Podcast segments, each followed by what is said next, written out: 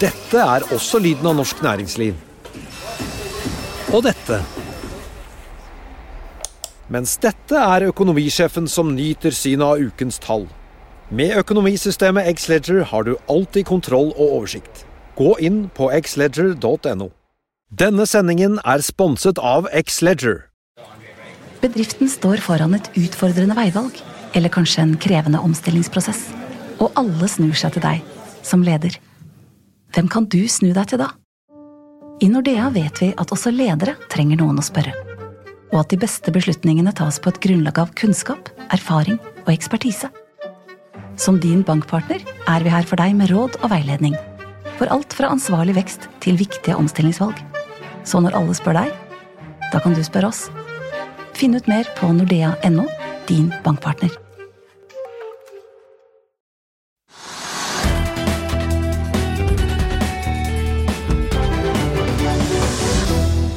Velkommen til Økonominyhetene. Det er blitt fredag 6. oktober. Statsbudsjettet for 2024 er dagens hovedsak, og vi har med oss en ekstremt økonomiinteressert jubilant og sjeføkonom Harald Magnus Andreassen i Sparebank1 Markets. Men eh, aller først bare noen nøkkeltall. Hovedindeksen på Oslo Børs den er helt flat nå, på 1253,20. Eh, oljeprisen den bidrar da til å holde det flatt. Den er ned 0,6 nå, til 83 dollar og 73 cent. På børsene i Europa så er det faktisk litt eh, opp. Det er opp 0,4% i London, 0,8 i Frankfurt, 0,7% i Paris, 1,1% i Milano, 0,7% i Madrid, og da er Stox 600 opp 0,7 på børsene i eh, USA så ligger det an til at det er oppgang fra start. Eh, Dow Jones er opp 0,1 I hvert fall indikeres det at den vil åpne opp 0,1% Litt mindre for eh, SMP 500, det er stort sett flatt. Og for Nasdaq så ser det ut til at det kommer til å åpne opp 0,1% Ja, Trygve. Eh, gratulerer med dagen. Tusen takk. Eh, har du gave? Jeg har med en liten gave til deg. Tusen takk. Liksom, hva gir man til en eh, som har absolutt alt her i verden? Jeg tror kanskje jeg har funnet noe. CP? Nei. et, gammelt bilde. Det gleder Skal jeg pakke den opp, skal jeg pakke den opp hjemme? Skal jeg pakke den opp nå? Ja, du må gjerne, du må gjerne ta den opp nå. Og så slutter jeg til gratulasjon. How to pay for the war. Ja. Keynes, den. Det var bra. Den har jeg faktisk ikke lest, men jeg har lest andre ting. faktisk. Ja. Veldig morsomt. Jeg gleder meg til å bla i. Da har du litt å lese i helga? Det, det, det er også en av nøkkelfaktorene i statsbudsjettet for neste år. Vi skal bruke veldig mye penger på Forsvaret. Vi skal bruke 44 milliarder eller sånn nå, hvis ikke Harald Magnus korrigerer meg. Det var, det var 83, tror jeg kanskje. Jeg trodde det var 44. Ja. Er det ekstra 44, da? Nei, det er opp en 7-8 milliarder. Men vi går iallfall penger til Forsvaret. Ja. Ja. Det, det, skal vi, det, skal vi, snart komme til. Men, men jeg må få si gratulerer med dagen, jeg også. Jeg var ikke klar over det før jeg kom her. Ja, ja. så da har jeg ikke fått kjøpt presang. Men jeg blir selv pensjonist, iallfall alderspensjonist, og kan motta alderspensjon fra om en måned. Jeg tenkte å fortsette å jobbe litt til, og så spør folk meg om jeg har tenkt å slutte. Og så sier jeg Tegner han, han nærmer seg 80, og hvis jeg holder meg like frisk og rask hode som han, så må jeg kunne klare å fortsette, jeg også. Så nå har jeg, jeg har et forbilde her, og holder meg gående en god stund til. Jeg ser det er mulig. Ja. Da har, vi, da har, vi, allerede fått med oss gjesten, faktisk. Harald Magnus Andreassen, sjeføkonom i Sparebank1 Markets. Så det skal vi snart eh, komme til, både statsbudsjettet og vi har også fått noen farm payrolls eh, som kom inn langt over det som var venta. Men jeg har lyst til å begynne med det, Trygve, før vi går på statsbudsjettet. På tirsdag så skulle SAS ha pressekonferanse klokken seks. Og klokken halv tre så satt vi her, og du sa at den aksjen er verdt kanskje én øre. Ja, jeg sa det at de hadde mye gjeld som skulle konverteres i aksjer, og at eh, markedskraften på børsen var to milliarder. Og egentlig var det feil feil, for det var verdt null. Så maks ett øre, sa jeg da. Og da sto kursen i 35 øre. Og dagen etterpå så falt aksjen 99 Da falt den nesten litt i bunn, og nå har det vært mellom ett og to øre, to-tre øre. Så det historien forteller, er at i de situasjonene hvor man har masse konvertering av gjeld til aksjer, så blir det 100 millioner av aksjer, så er det gitt på forhånd at de gamle aksjene får null eller ingenting. Noen selskaper har gitt 3-4% av totalkapitalen, men de tøffeste og hardeste guttene i klassen de, da, de bare tar ut hele den gamle aksjekapitalen, sånn som man gjorde med bankene i Norge på, på 90-tallet f.eks., som alle har glemt. De ville bli tatt ut i dette selskapet fordi SAS hadde problemer med å skaffe kapital. De skulle skaffe 9,5 milliarder i ny, ny aksjekapital. Det de gikk måneder og år, holdt jeg på å si, og de utsatte og utsatte da den tiden hvor de skulle få pengene. og Da skjønte jo alle at de får ikke tak i pengene. Og til slutt finner de noen som er villig til å investere i SAS, og da sier de selvfølgelig at vi skal gjerne putte noen milliarder på bordet, men stryk de gamle aksjonærene. De er ferdig. Og det, var det som skjedde. Så det det er, man må følge litt med, faktisk. Men kan du si at de, de, som hadde aksjer, tapte kanskje ikke så mye. For det er liksom, det går relativt små beløp. Da. Hvis du fordeler det på 250 000 aksjonærer, så er det ikke så mye på hver. Men det er, de færreste som trader. Og de som trader og trodde at de kunne lure til seg en lettvint gevinst på da, å kjøpe for fem øre og selge for ti øre, eller shorte på 35 øre, de ville tape. Og det sa vi fra på forhånd. Og det er, det er verdt å minne om det. Selv om det høres, høres litt ut som hva var det jeg sa, så er det verdt å minne seg om at man må følge med på realitetene, og ikke bare liksom drømme om tall osv. Og slik kommer det sikkert til å bli eh, neste gang også. Helt sikkert neste gang også. Mm. Da eh, tenker vi bare går rett på statsbudsjettet for 2024. Og eh, etter at dere har studert eh, statsbudsjettet et par timer nå, eh, hva er hovedinntrykket? Vi kan kanskje begynne med Harald Magnus et kjedelig budsjett. Og et kjedelig budsjett kan være et bra budsjett. Det var ingen store overraskelser som jeg tenkte på, iallfall noe sted. Eh, det var jo en litt det er, det er utfordrende på den måten at oljefondet har jo steget veldig i verdi fra 12 400 milliarder, og nå ender opp på 15 300 anslaget. Og vi er på 15 100 i dag. Ja, og det at det da øker ut året er ganske naturlig. Eh, det stiger over tid. Men det betyr jo at staten da har fått nesten 3000 milliarder kroner ekstra. I, eh, eh, som vi kan bruke med handlingsregelen. Og tar du da 3000 milliarder og ganger med 3% så har du fått 90 milliarder kroner ekstra. Eh, og av de 90 milliardene så Noe er jo ren inflasjonsjustering, så det skal vi ta bort. Men reelt sett så bruker de ca. 16 milliarder kroner ekstra utover det de brukte i fjor. Og Det betyr at de tar ut 2,7 av fondet. Eh, de kunne tatt ut 460 milliarder. De tar ut 410. Og eh, Likevel er det da en liten ekspansiv effekt inn i økonomien. Men det var omtrent som Norges Bank hadde anslått. Tallet var svært nært det jeg hadde anslått, jeg tipper på de fleste andre. Så det var på en måte ingen overraskelse i det. Men det, men det er jo en måte Jeg ville ha sagt at politikken burde vært basert på at vi hadde ikke tenkt på at fondet var så stort som 15 500-300. Vi skulle tenkt på at det var kanskje 12 000. 13 000 milliarder. Og så skulle vi i en høykonjunktur ha brukt vesentlig mindre enn 3% Så jeg ville hatt et beløp som var en god lavere. Men jeg tror ikke det hadde fått oppslutning om det programmet i det norske folk. Så det at de har klart å ligge under handlingsregelen stort sett hele tiden siden det ble etablert. Og en, alle oljekronene er spart på fondet. Og det er ikke oljepenger vi bruker lenger. Og det har det ikke vært noen gang. Det har vært avkastning av et fond vi har spart til fordi vi ikke har brukt noen oljepenger. Og norsk velstand er heller ikke avhengig av et fremtidig påfyll av oljepenger for å kunne overføre samme beløpet inn i evigheten som vi gjør nå i dag. Var det ikke noe spennende med statsbudsjettet? Nå gikk jo han igjennom Ja, nå var det makroøkonomer som snakket. Ja, ja. Man, man, kan godt si at det var kjedelig, kanskje. Eh, det, det er dekkende, og det tenkte jeg faktisk litt selv også. at det kanskje, kanskje var det, Men jeg hadde en litt annen vinkling på det. Jeg satt og leste og så på tallene, og det er at det var egentlig ganske næringslivsvennlig. Men så kan man spørre hva er da motivet eller formålet for det? At det var det, hvis det var det. Det kan jo være at det er valg i 2025, og at det kanskje dette var liksom starten på en lang valgkamp hvor man ikke ville provosere næringslivet for mye. Mm. Man ville ikke ha den kampen om lakseskatt igjen, kanskje. Liksom, eh, selv om man der har et eksempel på det også i budsjettet. Da, men altså, man vil kanskje ikke provosere skattytere med denne monsterskatten, sant, som da kanskje ikke gjelder så mange, men som irriterer voldsomt.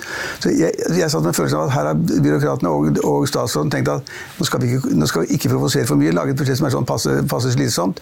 Litt sånn kald fiskebolle, eller kjedelig riktig som Magnus sier, og det var det. Fordi at eh, For næringslivet så var det liksom da eh, skattesatsen for selskapet ble beholdt uendret. Utbytteskatten ble holdt uendret, som ventet selvfølgelig. Eh, og så var det da de som da tjente liksom opptil 800 000 kroner. De skulle få en skattereduksjon på 200-400 kroner. Altså ikke millioner, altså 200-400 kroner. Det er en vits at de gidder regnepoeng. Det, er, det er bare tøv. Så hvis de først skulle gi en skattelettelse, så måtte det liksom være noen tusen, eller kanskje 3000, eller 5000 eller 10 000. Men ikke 200 kroner eller 740 kroner eller 500. Altså det, er, det er nesten, nesten litt sånn litt tåpelig, men de, de, de var på det nivået. Og så, da, så, så, kom man til denne monsterskatten som da har truet, og der sa de rett og slett at vi, de sa ikke at vi utsetter den, det kunne de ha skrevet, men det tror jeg ikke de gjorde. De sa at vi legger den i skuffen. Vi ser på det i forbindelse med budsjettarbeidet i 2025. I, i Den, det blir regler. Nei, ja, det, jeg, det tror, men det tror altså ikke jeg. Jeg var her på huset og vi har diskutert, diskutert internt. Og jeg har sagt hele tiden at det kommer ikke noe om det. for Det har så mange vidtgående konsekvenser og er liksom så vanvittig for de det gjelder. Jeg tror ikke det kommer. og Våre folk her på huset hadde snakket med masse advokater, og alle advokater sa det kommer et eller annet. Men det kom altså ikke. Og da, Om det kommer i, budsjettet for 2025, det gjenstår å se. Da skal vi høre litt og lære litt. Men det kom ikke det heller. Og hvis man da ser på summen av alt dette her, og så gjorde de en ting til. De hadde sagt det på forhånd også, så det var ikke noen overraskelse. Dette, dette dumme grepet med å beskatte ekstra mye skatt for de som tjente mer enn 750 000 kroner. Det var et tulleforslag som de kom med. Skulle skaffe da, sa de, 6-7 milliarder kroner for et år siden. Hva det blir jeg ikke helt sikker på, det får vi se. Men i alle fall så øket de innslagspunktet til 850 000 kroner fra 750 Det er altså positivt. men De skulle jo satt det vekk, men det turte de ikke. De, tok, men de gikk iallfall i riktig retning. De tok det litt ned med høyere innslagspunkt. Så litt mindre skatt på de høyere inntektene også da man kunne da frykte eller forvente. Så hvis du legger alt det sammen, da, så på skattepakken så er den ganske god for næringslivet, og det er bra. Men så har jeg snakket da med noen fra business som er helt rasende. og Det skyldes at de har liksom lagt inn et nytt element på ett sted, for da vannbasert eh, vindkraft, eller land, landbasert vindkraft, hvor de da ilegger en sånn sær, en grunnrentebeskatning som man gjorde for laks, på 35 Det er mange rasende for. Og det skjønner jeg hvis jeg hadde vært i den næringen. Kjøpt noen konsesjoner, laget noen budsjetter, ansatt masse mennesker, lagt noen planer for eh, kontantstrømmen min osv. Og så får jeg da beskjed i, et, i, et, i forbindelse med statsbudsjettet at det plutselig kommer en ekstraskatt på 35% Det er ikke bra. Ja, men den ble jo vedtatt øh, ja, ja, men det er ikke bra. for et år siden. Ja, men det er ikke bra. Nei, det er helt enig, den kan ha noen svakheter. Den ble vel litt ja, men, altså, men Prinsippet om at man har grunnrenteprosent har jeg egentlig ikke noe imot. Jeg forstår det. Eh, man, man, skal kanskje ikke ha det på veldig store landbrukseiendommer, men, men ha det på fisk. Hvor den faktisk er grunnrente. Burde være grunnrente. ja, ja. Men, men, men det noen som irriterer seg over det. Men i, i det store og hele så, så syns jeg liksom dette, dette, er næringslivsvennlig. og Motivet vet jeg ikke, men det spiller ingen rolle. Statsråden har tenkt at liksom jeg skal gå litt forsiktig frem. Og, vise, og, og, og I tillegg så kommer det altså formuesskatten. Den har ikke økt noen ting. Det er omtrent konstant. det så. Litt reduksjon, faktisk. Pga. Ja, lavere verdsetting av næringsbygg i distriktene. Ja, 300-400 millioner. Ja, det var, små, det var småpenger, var det ikke? Ja, men jeg tror det er riktig, veldig riktig analyse som du kom med, Trygve. Det er at eh, retorikken i forhold til næringslivet, den ble jo snudd rundt i januar ca. For hadde man kjørt høsten i fjor med alle de ekstra skattene, og du hadde angrep på, på rikinger eller på eh, og eiere og sånn som var fullstendig over stag, var det mange som tenkte. Og det møtte jo veldig motstand, og så kom flyttestrømmen til Sveits. Og i januar-februar så fikk jo pipa en helt annen lyd fra regjeringen. Så jeg er ikke overhodet overrasket her. Altså, vi er sammen om å bygge landet, den greiene der. Og de trenger entreprenører og gründere og alt dette her. Eh, så jeg er ikke overrasket at det ikke kommer flere tiltak nå. Det var det ikke noe, noe å vente på. Når det gjelder monsterskatten, så må jeg si at jeg, eh, har jeg ikke full innsikt i hvordan dette fungerer for i alle praktiske sammenhenger. Men jeg må si jeg har jo Jeg ante ikke at eh, så mange hytter og leiligheter var eid av aksjeselskaper. Åpenbart av skattemessige årsaker. Og at det der kommer regler for at du ikke skal spare skatt ved å flytte en hytte inn i et AS, når det ikke i realiteten er en næringsvirksomhet du driver. Det skjønner jeg når det er til de private forbruk. Og så er det avgrensningene. En kort kommentar. Dette er ikke en debatt om det her nå, men det er helt uenig i det du sier der. Altså, det er mange som har hatt en, et fly, eller en båt, eller en bil eller en hytte i et AS. De fleste av de som har det, har gjort det når de etablerte selskapene fordi man skulle redusere risikoen. De ville ikke ta det på sin personlige økonomi, de ville ikke ta konas økonomi. Så laget man et AS hvor da liksom risikoen er begrenset til AS' aksjekapital. Det er de jeg kjenner til. Ja, men hvis det er for nærings... Hør nå, hør nå. Så det at de gjorde dette for skattemessige grunner for å spare skatt eller lure bort skatt, det tror jeg ikke noe på. Men det er, eh, hvis det er slik at man innen aksjeselskapsformen har da på en måte kjøpt noe fra selskapet til underpris, så er det skattepliktig fordel ikke sant, ved det. Og hvis du også da har brukt selskapets midler på en, måte som du da også betaler mindre enn da kostnaden er for, så er det også da på en måte en unndragelse av skatt. Men da må man forbedre skattesystemet, slik at du får riktigere tall ved, ved, ved, kjøp av selskapet, eller da interne transaksjoner, hvor man bruker selskapets midler. Det, det, at man sier at teoretisk sett så er det veldig mange som da unngår skatt hvis man har et AS. Det er en helt teoretisk problemstilling. Finner ikke noen tall som kan dokumentere det. Bare departementets folk sa at vi tror det kan være sånn, og derfor vil vi ha bort AS-et. Det er den ene siden. Og den andre siden er det at hvis du, du sa at du ikke hadde vært borti det praktiske, jeg har sett på masse praktiske tilfeller. Og da, Kjell Inge Røkke, som alle kjenner i Norge, ikke sant? rik og har flyttet ut. Han hadde noen fly og greier. og, han, og på, på, nivå med fly, da, det forslaget som forelå, så var det slik at du skulle ta da 104 av flyets verdi og legge til som fordel hvert år. Du kan ikke ta 100, altså 104% av du har kjøpt inn et fly til 200 millioner, så blir det 250 millioner eller sånn, og skal betale skatt av 250 millioner kroner hvert år fordi du er et fly. Det kunne man ikke gjøre. Og Prinsippet var da det samme for hytter, men da var det 26% av da anskaffelsesverdien skulle legges inn hvert år. Enkelt i og for seg, men helt tåpelig i praksis. Da, det er ingen som kan gjøre det. Da blir alle flyttet, da. Men poenget var vel bare her at man ikke skulle benytte ubeskattede midler i et aksjeselskap eh, til å kjøpe det. aktiva som du selv brukte privat uten Men du kan ikke det. Da skal du beskattes for fordelen ved uttaket. Ja, det er det som er Det var, det var prinsippet. Spørsmålet om det prinsippet er lett å håndheve om det blir, om det blir, om det blir overholdt. Alle selskaper har Magnus, det skal være skatteetaten. Alle selskaper har revisor. Du kan ikke gå inn i selskapet du har, skal fastlegge årsberetning og regnskap, og så sier du at jeg har, eh, jeg har brukt dette her eh, denne bilen eller denne hytta eller båten, og det, det har en verdi på 500 000 kroner, men jeg har bare betalt 5000 for det. Du kan ikke dele et møte med revisor. du kan ikke det. Altså det norske revisorer er ikke korrupte. Nei, jeg, jeg håper virkelig det. Basically er det jo ikke det. Men, men, men utgangspunktet er å si at uh, realkapital, som uh, i hovedsak bruk, er til privat bruk, f.eks. hytte, uh, og ikke inngår i næringsvirksomhet, ja, så, så, er det ikke noen grunn til at det skal være inne i et aksjeselskap som, hvor du kan da bruke ubeskattede midler for å kjøpe, f.eks. Jo, jo, men det kunne være familie medlemmer som skal, vil eie en fjerdedel hver, tredjedel hver, og delte på aksjene. Og så er det noen som sa at jeg har ikke, jeg har ikke råd til å betale nå, kan du betale for meg nå? Og så deler vi. Det er så masse grunner til å ha det i et aksjeselskap. Men hvis man ikke vil ha det, så ville man ikke ha det, men da må man være noenlunde fair og ordentlig. Så du kan ikke da få at Røkke måtte da betale da 104% av anskaffelsesverdi på flyet hvert år i skatt. Da ja, måtte, hvis, det, hvis, det, flyet ble drevet av Aker, øh, og eide Aker, så var det ikke noe problem. Jo, da, eh, da ville ikke det vel vært en normal nei da, nei da, nei da, nei da, nei da, nei da. Du ville få betalt for de timene du ikke brukte flyet også. Det er det som er poenget. Og du ville betalt for de campingplassene hvor du ikke brukte teltene ikke brukte hyttene. måtte betale for de også. Som om det var ditt private. Jo, det var noe på de som drev hyttegrend og, og drev campingplasser, men nå var det et lang diskusjon. Men, men, poenget var at jeg trodde ikke at den kom, den kom ikke. Og det tror jeg mange oppfatter veldig positivt. Så får vi se hva som kommer neste gang. Ja, liksom men jeg vil ikke oppfatte det være noe næringsuvennlig forslag. Dette er snakk om organisering av, av beskatning på uh, realkapital. Ja, men det, det er misforstått, for da glemmer man at det var faktisk beskatning før. Det skulle være riktig og ordentlig. Og hvis det da ikke blir gjort på den riktige måten, så vil det da på en måte være en skatteunndragelse. Men det ville jo vært opp til hvert enkelt tid for å se på, da, og hva revisor mente, og ligningsmyndighetene mente. Ja, da, det har man regler for. Ja, det har man regler for. Og lover. Og lover. Mm. Som skal følge. Okay. Men, men ja. Eh, vi er på en måte inne på en eh, ja, på et nytt spørsmål. Harald Magnus er en veldig god analytiker på, på, på, på makrotallene. Og det som er interessant, er at Harald Magnus kalte det kjedelig. Og jeg er delvis enig i det. at poenget var det var ikke noe overraskelse der heller. At man ville bruke mer oljepenger, syns jeg er helt opplagt. Om man bruker 40 milliarder mer eller 30 milliarder mer, spiller jo ingen rolle. Og det er ingen i Norge som klarer å regne på forskjellen heller. Og man kan ha forskjellige måter å måle effekten på statsbudsjettet på. hvordan man gjør det, Men, men i sum så var det slik at dette var akkurat som man kunne forvente. Økningen var lite grann. Man bruker bare 2,7% oljefond istedenfor 3. Og skulle man forvente 2,5? Nei. Skulle man forvente 2,9? Kanskje. Skulle man forvente 3,1? Nei. Så liksom, Det var ikke så vanskelig å komme til målet. Og, og, så hadde man ganske gode størrelser å jobbe med. Så, så, jeg fant bare ett punkt for det vi nevnte for Magnus, og jeg fant bare ett punkt for deg. Det er det at de bommer på, og de kommer til å bomme.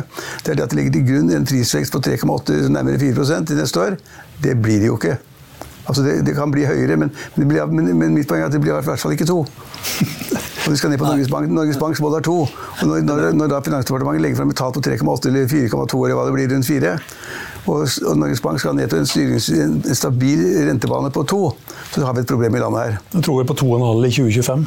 Ja, ja, ok, men i 2025, ja, men nå skal vi 2024 Men ikke to, det er to og en halv. Ja, to og en halv, ja. ja, frem, ja okay, da, og da er det interessant at da de departementet nå baserer seg på da en prisvekst på rundt fire. For neste år, ja. ja. ja og det er, i, det, er på, det er, på, gjennomsnittet av andre prognosemakere. Norges Bank ligger til høyre, også på lønningene. Men, men departementet legger fram et, et, anslag på KPI som er det samme som snittet av analytikere som lagt, eller andre som har lagt frem anslag. Men da blir det Så, ikke to? Nei, men det er ingen som tror at vi kan Det kan vi godt få hvis strømprisen blir borte. Eh, men eh, det er selv da nesten ikke det nok. Men, men eh, det er jo ikke slik at noen land kommer tilbake til 2% inflasjon neste år. Og Det er fordi at vi har satt i gang noen prosesser eh, gjennom pandemien, ut av pandemien, når renten var for lav og vi fikk overstimulans til alt dette her. Og Det er ikke mulig å få det ned til eh, så loddrett ned. De fleste sentralbankene venter å være i mål i 2025. Norges Bank er egentlig ikke helt i mål i 2026, og det kunne vi diskutere. Hvorfor Norges Bank vil bruke så mye lengre tid på det enn det andre har gjort. Fallet i kronekursen kan være et argument. Eh, og alle sentralbankene, ganske likt, eh, velger nå å prioritere og ikke øke ledigheten så mye. Da må vi forvente at renten bli høyere enn eller, eller Da vil, han vil, altså Hadde sentralbankene fulgt en, så, blir rente, så blir rentene høyere. Ja, Hadde sentralbankene brukt en tradisjonell oppskrift, så skulle rentene vært hevet vesentlig mer. Mm. Ledigheten skulle blitt vesentlig høyere, høyere, og inflasjonen har kommet raskt ned. Og Derfor blir rentene høyere i Norge enn mange tror, i etter to år fremover minst. Ja, og jeg tror rentene blir holdt oppe på De kommer opp, og nå sier alle sentralbankene at de er ferdige. By and large, markedet tror på dem. Men etter hvert som tiden har gått nå, så ser vi at troen på raske rentekutt har blitt borte. Og Det tror jeg din analyse er helt riktig. Og det er fordi at sentralbanken har gjort mye mindre med rentene enn det de normalt skulle ha gjort, gitt at inflasjonen har skutt i været som den har gjort. Eh, så det betyr at sentralbankene er De prioriterer stabilitet i realøkonomien fremfor å tvinge inflasjonen tilbake i løpet av kort tid. Og Det skal vi være glad for. fordi at kostnadene her ved å bremse økonomien hardt ned, ja, det er det samme som at overskuddene selskap, eller først ledigheten skal vesentlig opp, og overskuddene selskapene skal mye ned. Og Da er det bedre å ta den prosessen jeg, jeg, jeg, jeg er helt enig i det, men det er bare at den alminnelige forbrukerhusholdning har ennå ikke skjønt det. De tror at rentene skal ganske kraftig ned på slutten av 2024 og 2025. Det, er, det, kommer en god artikkel med til Finansavisen i morgen. for øvrig. Jeg kan bare jeg, er, jeg, er veldig skeptisk, ja, jeg er veldig skeptisk til Vi hadde en lederkommentar i dag var det vel, om rentene også. Eh, så Det er jeg veldig skeptisk til. og Det, det er samme for meg. altså Hvis husholdningene vet at de kommer til å måtte betale en rente på boliglånene sine på 5,5 eller 6, så er det fint. Men altså, hvis de tror det er 3,5 eller 4, så kommer de til å bomme. Ja, helt enig. Og vi har gått oss litt vill i den perioden, både etter finanskrisen og spesielt under pandemien, hvor rentene ble de laveste i historien av forståelige årsaker i mange land, for de hadde økonomiske problemer. De hadde store boligprisfall etter finanskrisen og før, og de hadde behov for stor gjeldsnedbetaling. Og da fikk de lav rente. Vi fikk lav rente fordi de andre fikk det, og vi skjønte ikke hvorfor. Det var ikke så enkelt, for det var ikke noen grunn til det. Og vi fortsatte festen med gjeld og boligpriser i ti år pluss til. Eh, og nå har vi kommet til payback time. Eh, og det, jeg tror ikke det stresser Norges Bank eller regjeringen om boligprisene f.eks. skulle gå tilbake der de var for et par år siden. Vi fikk altså et boligprisløft da renta var ekstremt lav. 20% Om det skal tilbake til det, gudene vet. Men ser vi nå på hvilke renteutgifter vi har i dag, hva som har skjedd med husleien over tid Det har, steget, det ikke steget mer enn inflasjon. Husleien i dag er lavere enn det var for ti år siden justert for inflasjon, selv om det har steget mer akkurat nå på slutten. Boligprisene er langt over der de var for ti år siden. Selvsagt fordi rentene har vært ekstremt lave. Ja, Nå er rentene høyere enn for ti år siden. Da var de fire, og nå er det snart seks. Mm. En dag. En dag. En dag! Jeg vet bare ikke hvilken. Så Det er mulig at jeg må holde på opp til eh, Trygves alder for å få rett. Altså, men, jeg, jeg, jeg, jeg, husker, fremdeles, og det er, ikke, det er en stund siden, men jeg husker fremdeles Jeg hadde mange rare tanker ved at jeg da jeg hadde innskudd i kredittkassen og fikk 17 rente. Jeg husker, noe. Jeg, jeg husker noe annet. Jeg hadde 16% rente på gjelda mi. Det merkes mer når jeg hadde kjøpt som ung mann. Da jeg hadde 17 rente på innskuddene mine. Det var, jeg var veldig fint. Det, var, før jeg kom på den siden av balansen. Ja, og da, og da tenkte jeg at da er det ikke mulig å drive business. Du kan ikke drive business med sånn rentenivå, for da, var, da lå kassekreditten på 21 eller sånn. Men, men trikset den gangen, da var, det, da var det ekstra spesielt, og det kunne vi ikke leve med. Men den gangen så var inflasjonen høy. Og vi trodde at inflasjonen skulle være høy, så de høye rentene var i hovedsak en likviditetsutfordring. For at i morgen, over i morgen, over i morgen, så skulle, over i over i morgen, så skulle lønninger og priser stige. Og dermed så klarte du å betjene gjelda, fordi bare du klarte de to første årene, så var det måte home free på resten. Inflasjonen spiste opp gjelda. Og det tror jeg mange, og det er det mange som tror i dag. min, min, min, gode gamle gjeld ble borte på 0,0. Nettopp. Og det tror mange skal være tilfellet i dag. At uh, rentene i dag, eller rentene er høye fordi inflasjonen blir høy fremover. Og det er der hovedfeilen gjøres i dag. I'm Sandra, and I'm just the professional your small business was looking for. But you didn't hire me because you didn't use LinkedIn jobs. LinkedIn has professionals you can't find anywhere else, including those who aren't actively looking for a new job, but might be open to the perfect role, like me. In a given month, over 70% of LinkedIn users don't visit other leading job sites. So if you're not looking on LinkedIn, you'll miss out on great candidates like Sandra. Start hiring professionals like a professional. Post your free job on linkedin.com/spoken slash spoken today. Dette er også lyden av norsk næringsliv. Og dette. Mens dette er økonomisjefen som nyter synet av ukens tall. Med økonomisystemet Xledger har du alltid kontroll og oversikt. Gå inn på xledger.no. Sitter og ser hver dag på forventede realrente, eller ikke forventet, men faktisk handlet realrente i USA. Akkurat når gikk den her nå, så er den på 2,5 pluss på ti års realrente på statens obligasjoner i USA. Den var minus én under pandemien. og før Fed begynte å øke for halvannet år siden, så var den på null. Og det var tilfeldigvis snittet over de ti foregående årene. Så vi har ti år frem til utgangen av pandemien med null realrente i snitt. I dag er den på 2,5. Dette har løftet alle avkastningskrav på alle investeringer i hele verden tilsvarende. Det er med, en 350, med 250 eller 2,5 prosentenhet til 3,5 prosentenhet. Pluss at kredittpåslagene er nå høyere, vesentlig høyere enn det var under pandemien. Kanskje sånn i snitt hva det var i, år, i ti årene før. Det, og det som da skjedde, sant, var at alle inntektsstrømmer fra fremtiden, eiendom, aksjeutbytter og hva som helst, skulle diskonteres med en svært lav rente, bestemt av den amerikanske staten, eller statsmarkedet USA, som bunnplanke. Alle verdiene gikk i været.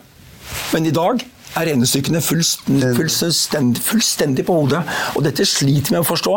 Spør eiendomseier i Oslo om de aksepterer at eh, lånekostnadene stiger fra tre til syv. Og det blir ikke motsvart av evig høy inflasjon. vi er enige med deg, men det var, Ja, unnskyld, det var bare- Nei, men- men bare hopp litt tilbake til statsbudsjettet. Altså, ah, ja, det var det det var du sa det var kjedelig. Og jeg synes at, ikke kjedelig, men ganske næringslivsvennlig, da. Som vi da diskuterer. Ja, næringslivsvennlig i den forstand at det ikke ble verre enn det er Ja, allerede. ja, det, de, de som alle, alle, alle har gått og fryktet at liksom, denne regjeringen, den rød-grønne regjeringen skulle da stramme til eller gjøre sånn eller sånn, øke selskapsskatten, øke utbytteskatten. Det brant seg, det brant seg sånn i Ja, og, og, eller endre, eller endre skatten for personlige skattytere. Vi har endret innslagspunktene ganske kraftig. men det, altså, De som tjener opp til 800 som jeg sa, får 200 kroner til 400 kroner i lettelse. Det er bare piss. Men, men, men det er det vi holder på å snakke om. Og I den konteksten så kunne jeg godt tenke meg å spørre, og, og, og det er masse man kan diskutere på makrosiden også, men eh, Harald Magnus, er det noe som du, hvis du har sittet som da i departementet, som du ville ha endret, som ville hatt noe betydning for noe som betyr noe? Liksom ett håndgrep kunne liksom endret dette, budsjettet bort fra kjedelig til noe gøy som du gjorde, eller spennende som du gjorde, som ville få effekter med en gang, og som ikke er diskutabelt i makrokretser. Ja, Det er et morsomt spørsmål. Jeg ville ha startet med å ta opp fra skuffen det jeg la ned i skuffen for, for en del måneder tilbake, nemlig forslag om en bred skattereform i Norge. eh, Torvik-utvalget. Jeg ville ha satt ned skatt, lønnsskattene. Men det ville du aldri fått til. Nettopp! Men hør jeg, hør jeg hvorfor jeg ville foreslå det. det. den Fordi- pakka, pakka for stor, Harald Magnus, du kan ikke få til personskatt, Ja, selskapsskatt, ta- alle mulige Det var ikke så mye. Vi kunne tatt deler av det. Vi Nei, kunne ja, ja, da pakka. kunne- Jeg ville f.eks. tatt og redusert skattene på alle med lav lønn. Og så ville jeg innført en boligbeskatning. Ikke med virkning fra 2024, for da har vi høye nok renter, men med virkning fra 2025 og 2026. Hvor du fikk en, en sammenheng mellom det rentefradraget du har, og de fordelene du har ved å bo i egen bolig. Jeg kan stå oppreist og si at Det har du sagt i 20 år. Jeg har sagt i 20 år, og dette er det mest graverende feilen vi har i Så det skattesystemet. ville, så det ville forandret hvis du satt der? altså, Selvsagt. Ja. Ja, ja, selvsagt Ja, ville jeg gjort det. ja, det og det er også mange andre ting i det utvalget. Jeg ville ha kutta bort lav matmoms. Ja, det er mange ting vi kunne rydde opp i systemet for å gjøre det bedre. Eh, eh, jeg tror jeg ikke ville ha brukt mer penger. Overført mer penger for oljefondet. Jeg ville nok ha hatt ambisjon i løpet av et par-tre år å komme ned på et lavere nivå. Gitt Hvorfor det? fordi at det er to ting. Nummer én er at oljefondet blir blåst opp av faktorer som nå utmerket vel kan vise seg å være midlertidige. Kronekursen kan, hør her, kronekursen kan styrkes, og aksjer kan falle. Ja, men det, vet, det, vet, det, er- det skjønner jo alle at de kan. det, men nettopp, og derfor skal det, vi skulle, når, alle, når alle vet det, så skulle vi sagt oljefondet er i dag på 15 300. Men jeg tror egentlig ikke at det er så rik. Jeg tror det holder å si 13 000 milliarder. I stedet for eller, 15 eller, eller 17 000 milliarder. Nei, men det tror jeg ikke vi er. Vi har Nei, ikke det det- fondet. Vi aldri tror- hatt det. det er bare å tro igjen. Ja, men vet Det det. men dette, handler om, dette handler om normal risikohåndtering. Ja, ja. Fordi at hvis du strekker strikken opp til der hvor du kan strekke drag, så er faren for at den slipper. Og da må du plutselig stramme inn mye i økonomien. Og den største faren ved at vi ligger for nært opp til handlingsregelen, ja, det er at oljefondet vokter opp i morgen, er mye mindre verdt. Og vi har ikke lyst til å tappe ned fondet, og da må vi kutte statens utgifter og øke skattene for å holde balansen i budsjettene våre. Derfor så skulle vi ikke late som vi var 15 500 milliarder rike. Vi skulle sagt at det var 13 000. Det er nummer én. Nummer to er, nummer to er vi er i en høykonjunktur. I en høykonjunktur skal vi bruke mindre penger enn en enn 3 for at vi skal bruke mer lavkonjunktur. I dag har vi svært lav arbeidsledighet, stor mangel på arbeidskraft. Alle lampene lyser rødt. Det er en fantastisk fint diagram, illustrasjon av det i budsjettet i dag. Det er rødt. Krisen Norge i dag består av at vi brukes for mye penger. Og da skal ikke staten bidra til å bruke mer. Det er min, Men da sier jeg det er min innvending da, når det gjelder statsbudsjettet i år, konkret, det er at kan, det er utrolig vanskelig på en måte å tallfeste og forstå det om, om, om staten bruker da 410 milliarder, eller om de bruker 390 milliarder. Det er ikke mulig å måle. Det er Jo, det, er mulig, det, det tilsvarer borti en halv prosent av BNP, og det ser vi effekten av i økonomien. Det er ikke vanskelig å måle det. det er Som, som oljeinvesteringen stiger, eller privat forbruk, så vet vi at dette påvirker balansen i økonomien. Og når vi ikke har ledig arbeidskraft, så vil ekstra pengebruk Men det er så- normalt Det er så stor usikkerhet på hvert eneste tall. ja, men, hør da. Ja, men Vi vet at det er usikkerhet, vi vet heller ikke hvordan økonomien går. Men det vi vet, er at hvis vi øker pengebruken med la oss si 1 av BNP, da, ta 40 milliarder La oss si at vi kommer opp til handlingsregelen. Da var det vel 1 ekstra av BNP. Og vi vet at vi ikke har ledig arbeidskraft. Da vet vi at de arbeidsgiverne som får varer de skal selge, eller staten som skal ansette, ikke har folk til å gjøre de jobbene som de pengene skulle Vi kan kjøpe brukt lastebiler i Tyskland og sende de- Jo, noe, men det, vi, kan ikke bestemme, vi kan ikke bestemme at vi skal kjøpe tanks i Tyskland eller Og sende de lastebiler. til Ukraina. Det Ja, vi kunne, vi kunne, hadde vi gjort det, så har det ingen betydning for innenlandsbalansen i økonomien. Nei, Klart vi kunne gjort det. det er mange måter å bruke Ja, det sier jeg, men vi vet at hvis vi skulle bruke det på noe folk fikk glede av i Norge Bortsett fra at vi kan ikke bestemme at vi skal, dere skal få det dere skal få, folkens. Dere skal få en ny lastebil. Eller en eh, Altså, vi kan ikke Vi gir penger til Men vi kan gi penger til bedrifter. lav- lav- lavinntektsgrupper. Ja, og de vil bruke det på varer og på 10 tjenester. milliarder til de som har minst. Ja, selvsagt kunne vi gjort det. Ja. Og da ville de brukt de pengene i Norge. Ja, absolutt. Ja, og, det, og, vi, Problemet i dag at vi har ikke ledig arbeidskraft for å utføre de jobbene eller selge de varene som de ønsket å kjøpe. Det er det som alltid er Norges Men Om de, Bank. få som, om de få som får de minste Nei, men herre Popmark ja, men, ja, ja, selvfølgelig. Men hvis jeg, var, hvis jeg mente det, Ja. så vil jeg si Og det har jeg sagt før også. Hvis vi mener at de fattige skulle få 10 milliarder ekstra, så skal de få det. Men jeg ser ingen grunn til å hente de pengene fra sparebøssa til ungene. Jeg ville ta dem fra meg, og fra deg, og fra deg. Slik at jeg skulle bruke mindre, og de kunne bruke mer. Slik at summen ble den samme som før. For det som er urettferdig, det er at vi har lite å bruke, og vi har altfor mye å bruke. Det er det som er Og det å si at jeg skal redde de, hjelpe de fattige uten at det skal koste meg noen ting, den liker jeg ikke. Jeg vil, ha, jeg vil, jeg vil, jeg vil vise ekte solidaritet. Ja, at ja. jeg betaler mer skatt og bruker mindre penger. Det går an å hente 10 milliarder i oljefondet også. Det er den gratisløsningen som du alltid vil kunne gripe til i Norge, fordi vi har et stort fond. Ja, jeg, vil, jeg, vil, jeg vil kutte ut den muligheten. Jeg vil tvinge deg til å ta reelle politiske prioriteringer. mer skatt på deg, og masse skatt på Stein Ove, og masse skatt på meg. Nei, Ja, ja, dette her er her dette, ja. ja. dette, er, dette er økonomisk-politisk eh, diskusjon som jeg syns er kjempespennende.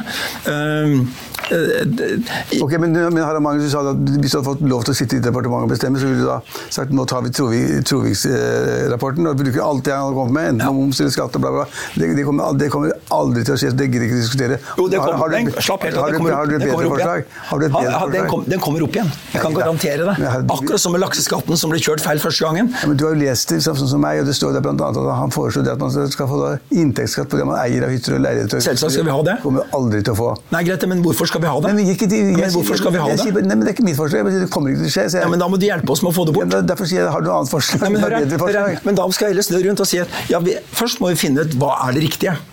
Og hva er galt? Hva skal vi kunne gjøre systemet bedre? Og Hvis for eksempel, da vi finner ut at i dag så er det slik Jeg vet et godt eksempel. Jeg, bodde, jeg kjenner en kar her, som bodde i en leid leilighet, sånn som livet av og til blir. Eh, og bodde der noen år inntil jeg fant jeg måtte kjøpe en leilighet. Når jeg gikk fra leie til å kjøpe, så reduserte jeg skatten min med en, jeg vil tro ca. en kvart million kroner man- i alle, vet det alle vet det der. Ja, men Alle vet det, men hvorfor skal jeg ha mindre skatt når jeg velger å bo i det. egen leilighet? Dette fattigfolk ja, bor, fattigfolk leier, og rike Ja, folk men det, er ikke filosofiseminar. Det går om hard økonomi i statsbudsjettet. Hva, har, ville, ville du hatt et annet forslag som var helt konkret? Du sier at budsjettet er kjedelig.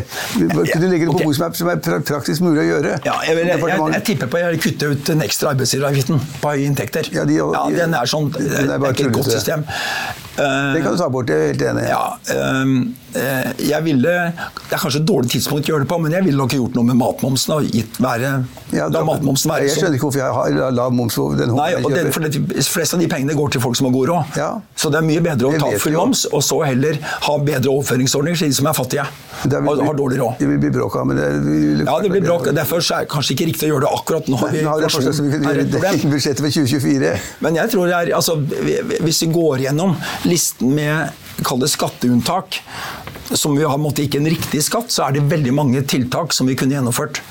Eh, som kunne ha spart mye penger. Jeg ser nå har det begynt å gå løs på CO2-kompensasjonsordningen. Eh, og det tror jeg er smart. Eh, ja, det er en litt teknisk sak, men, og som kan ha sin begrunnelse. Etter hvert blir begrunnelsen dårligere, så er det dersom EU innfører en karbontoll for import av karbontunge CO2. Men i realiteten er det, altså det, du, det du og jeg sier kanskje er et kjedelig budsjett, det er ikke så veldig lett å gjøre noe mye med det. Nei, men altså, jeg tror at de fleste av oss som sitter på utsiden, normalt lett kan si hvorfor kutter vi ikke masse utgifter og, og, og kutter skatter og hva måtte ønske seg. Eh, jeg, tror de fleste som har arbeidet med det i praksis, finner at det er, det er ikke så enkelt å gjøre det.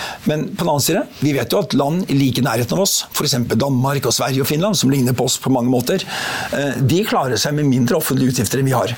Så hadde ikke vi hatt de 410 milliardene som vi overfører neste år fra oljefondet, så hadde vi ikke funnet at vi skulle ha 410 milliarder kroner mer i skatter for å finansiere de utgiftene vi i dag har. Og da kan vi diskutere om vi skulle ha hatt mer press på lave utgifter. Men, men, men, men poenget, poenget, er at vi har investert i penger i oljesektoren for å få den avkastningen. så det er, jo, jo, Hadde vi ikke investert pengene i oljesektoren, hadde vi investert i noe helt annet. Ikke, nei, da misforsto du meg. Ja. Jeg, Eh, jeg sier at hvis vi ikke hadde hatt de 400 Vi ikke hadde hatt olje så, så, hadde du investert av disse tingene gulrøtt istedenfor? Jo, jo, selvfølgelig, men, det, men, poenget er at da hadde vi ikke hatt noe oljefond. Nei, nei, men da hadde får ikke i gulrotfond. Nei, nei, du får, du får ikke noe gulrotfond, for det er ikke noe mer avkastning. Det er ikke noe grunnrente. Jo, kanskje, kanskje alle, alle nei, Men poenget er bare at hadde vi ikke hatt de store overføringsmulighetene fra oljefondet, så hadde vi ikke valgt å ha dagens utgifter på budsjettet. Nei, men Det er et godt poeng, men det oljefondet har vi. Er... Ja, ja, men, sier, men derfor sier jeg at det er ikke så enkelt. det er mulig å tenke seg en verden hvor Nei. de offentlige utgiftene ja, er presset ned, ikke uten oljefondet. og skattene er lavere. Så er det mulig å tenke seg uten oljefondet? Uten, nei, nei, hadde, hadde vi ikke hatt halve oljefondet, så hadde vi kanskje hatt noe annet. Ja, men jeg bare gjentar det jeg sa til å begynne med, for det er mange ikke skjønner det hele tatt. De tror vi lever av oljepenger. Vi lever av avkastningen av oljepenger vi ikke har brukt det de vi har spart. Ja. Og vi er ikke avhengig av å få nye oljeinntekter i budsjettet neste år for å få budsjettet neste år til å gå i hop. Det er basert på de vi har spart allerede. 500, det kommer 500 milliarder. Det gjør det, og det kan være hyggelig å ha med seg. Men det er jo ikke ett land i verden som har sin velstand og velferd basert på at vi har et fond som vi kan høste avkastning på som stiger 500 milliarder i året. Flaks og god kunnskap og hardt arbeid. Og viktig evne til å holde igjen pengebruken, selv om ja. mange stått og skrek på å få oljepenger utbetalt. Jens Stoltenberg, hans idé og hans forslag. Hans, og det var også man, mange tenkte på det før, og vi har vært usedvanlig heldige som har hatt så langsynte og smarte politikere. Ja. Fra, fra Kristin Halvorsen til Siv Jensen har klart å gjøre det. jeg, tror, jeg, tror vi, jeg tror vi, dere begge to er enige om at det var et ganske ok budsjett. Litt kjedelig. Ja. Eh, men var det noe der som eh, kan hindre skatteflukt til Sveits? I dag kom det en ny Bjørn Måseide. Han flytter nå også til Sveits? Altså, endringene har jo ikke endret seg siden de andre flyktet. Det er flyktet det siste året ca. 60 personer. Og han er den siste, og han hadde en ligningsform på 300 millioner, hvis jeg husker rett. Det blir ikke så mye skatt av det, da. Så han vet nesten ikke helt, hvorfor han flytter. Men, men, det kom ikke noe budsjett som skulle da, på en måte fremskynde det ene eller, eller det andre. Det gjorde det ikke. Ikke noe som bremser det? Nei, og det, det man fryktet var at det skulle komme en sånn, sånn exit-skatt. ikke sant, At du betalte skatt i det øyeblikket du flyttet ut. Man regnet på alle gevinstene, latente gevinstene dine, og så tok man skatt, skatten og la den på bordet og sa 'betal nå'. Og så kan du reise til Syria og gjøre hva pokker bare vi har fått skatten i Norge. Det kom ikke. Så jeg tror nok at, det at selve de, der, de, de, de, vilkårene og endringene som kunne tenkes komme når det skatt og flytting og sånn, der var det ingen endringer. Det tror jeg ikke kommer heller. Det blir for mye bråk av det. Og så vil kanskje noen begynne å flytte hjem igjen. Hvis du leter i resten av budsjettet om det var noe som på en måte kunne påvirke oss eller være viktig for oss, nei, det kan jeg ikke tenke meg.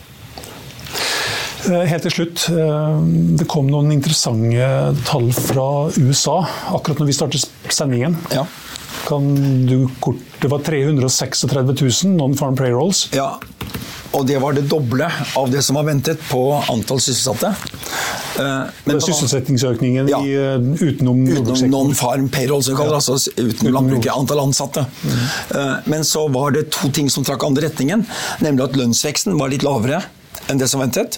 Og så var ledigheten opprettholdt på 3,9.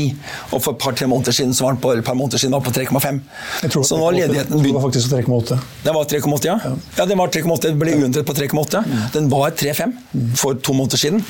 Eh, og det betyr at nok arbeidsmarkedet er i ferd med å runde hjørnet, og lønnsveksten kanskje er på vei ned. Og jeg er mye mer opptatt av lønnsveksten enn jeg er av sysselsettingen. Så jeg mener at fokuset på selve sysselsettingstallet ikke er det viktige. Det viktige er å se på både arbeidsledigheten og på lønningene. Og begge de to var faktisk da på den om du vil, på den positive siden, fordi det var svake, på den svake siden. Vil det påvirke Fed på den ene eller Nei, det er ikke nok. Vi har fått blandede tall i uken her. Det kanskje viktigste tallet i uken her er ikke de to der engang, som jeg nevnte, men at det ble en betydelig oppjustering, en oppjustering og en betydelig økning i antallet ledige ubesatte stillinger, vakanser. Og de, de, ledige stillingene er ekstremt tett korrelert med lønnsveksten. Og det er sånn mangel på arbeidskraft i USA i dag som vi aldri har hatt før, bortsett fra noen få kvartaler på toppen, eh, utgangen av pandemien. Eh, og den mangel på arbeidskraft som vi har i dag, den tilsier at lønnsveksten forblir langt over det som gir 2 inflasjon. Mm. Og Det er måtte, grunnleggende problemet. Og litt det samme i Norge. Jeg tror, på tross av frontfag og alle de argumentene de kan trekke inn som skulle moderere lønnsveksten, så tviler jeg på at lønnsveksten i Norge blir lav nok før ledigheten er blitt høyere og mangel på arbeidskraft er blitt mindre enn det vi ser i dag.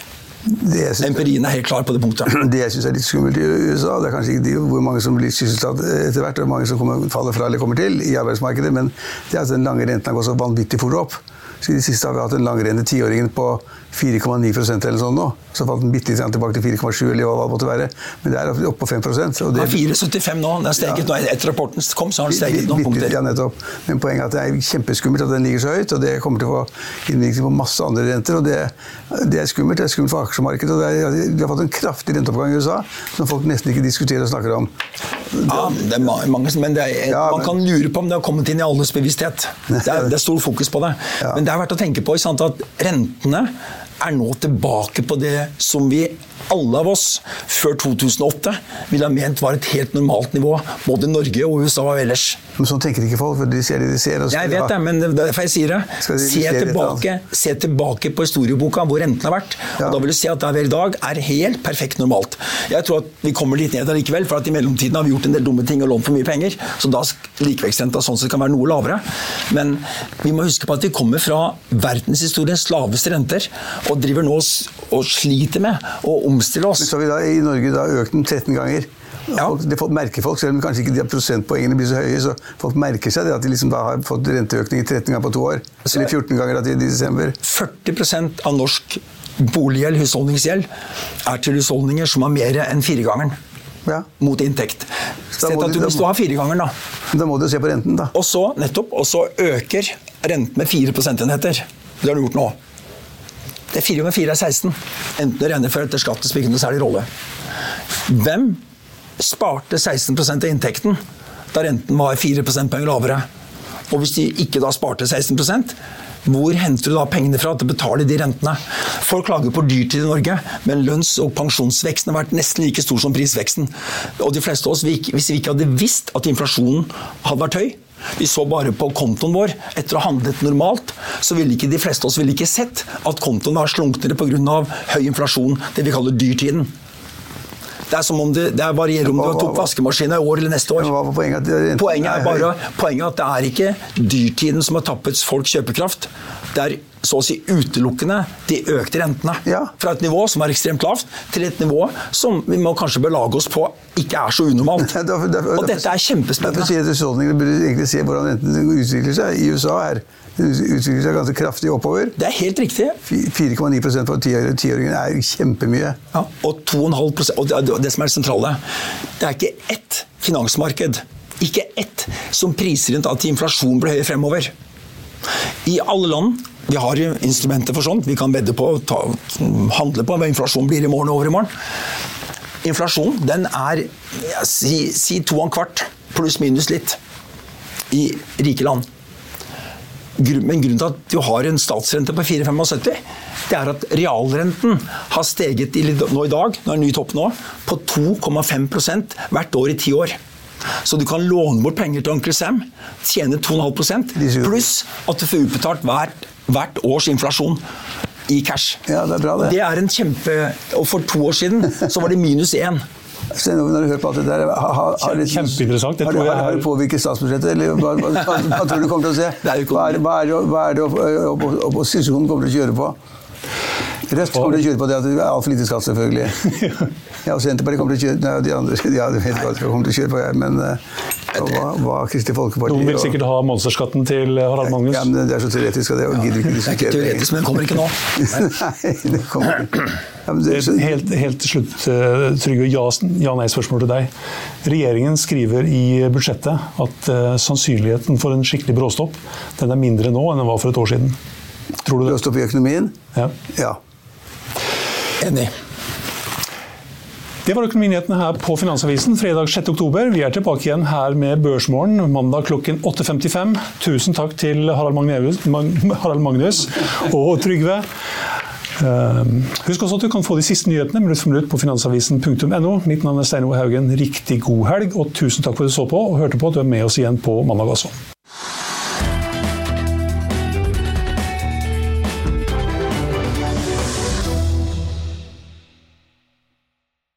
Denne sendingen er sponset av X-Leger. ACAST powers the world's best podcasts. Here's a show that we recommend. Hi, I'm Jesse Cruikshank. Jesse Cruikshank. I host the number one comedy podcast called Phone a Friend. Girl, let's phone a friend. Not only do I break down the biggest stories in pop culture with guests like Dan Levy and members of InSync, I do it with my own personal boy band singing jingles throughout. Because it's my show. It's your show, girl. New episodes of Phone a Friend Yeah. drop Thursdays wherever you get your podcasts. So work it, girl. Yeah, work it. Okay, that's enough. ACAST helps creators launch, grow, and monetize their podcasts everywhere. ACAST.com. Økonominyhetene er en podkast fra Finansavisen. Programledere er Marius Lorentzen, Stein Ove Haugen og Benedikte Storm Bamvik. Produsenter er Lars Brenden Skram og Bashar Johar. Og ansvarlig redaktør er Trygve Hegnar.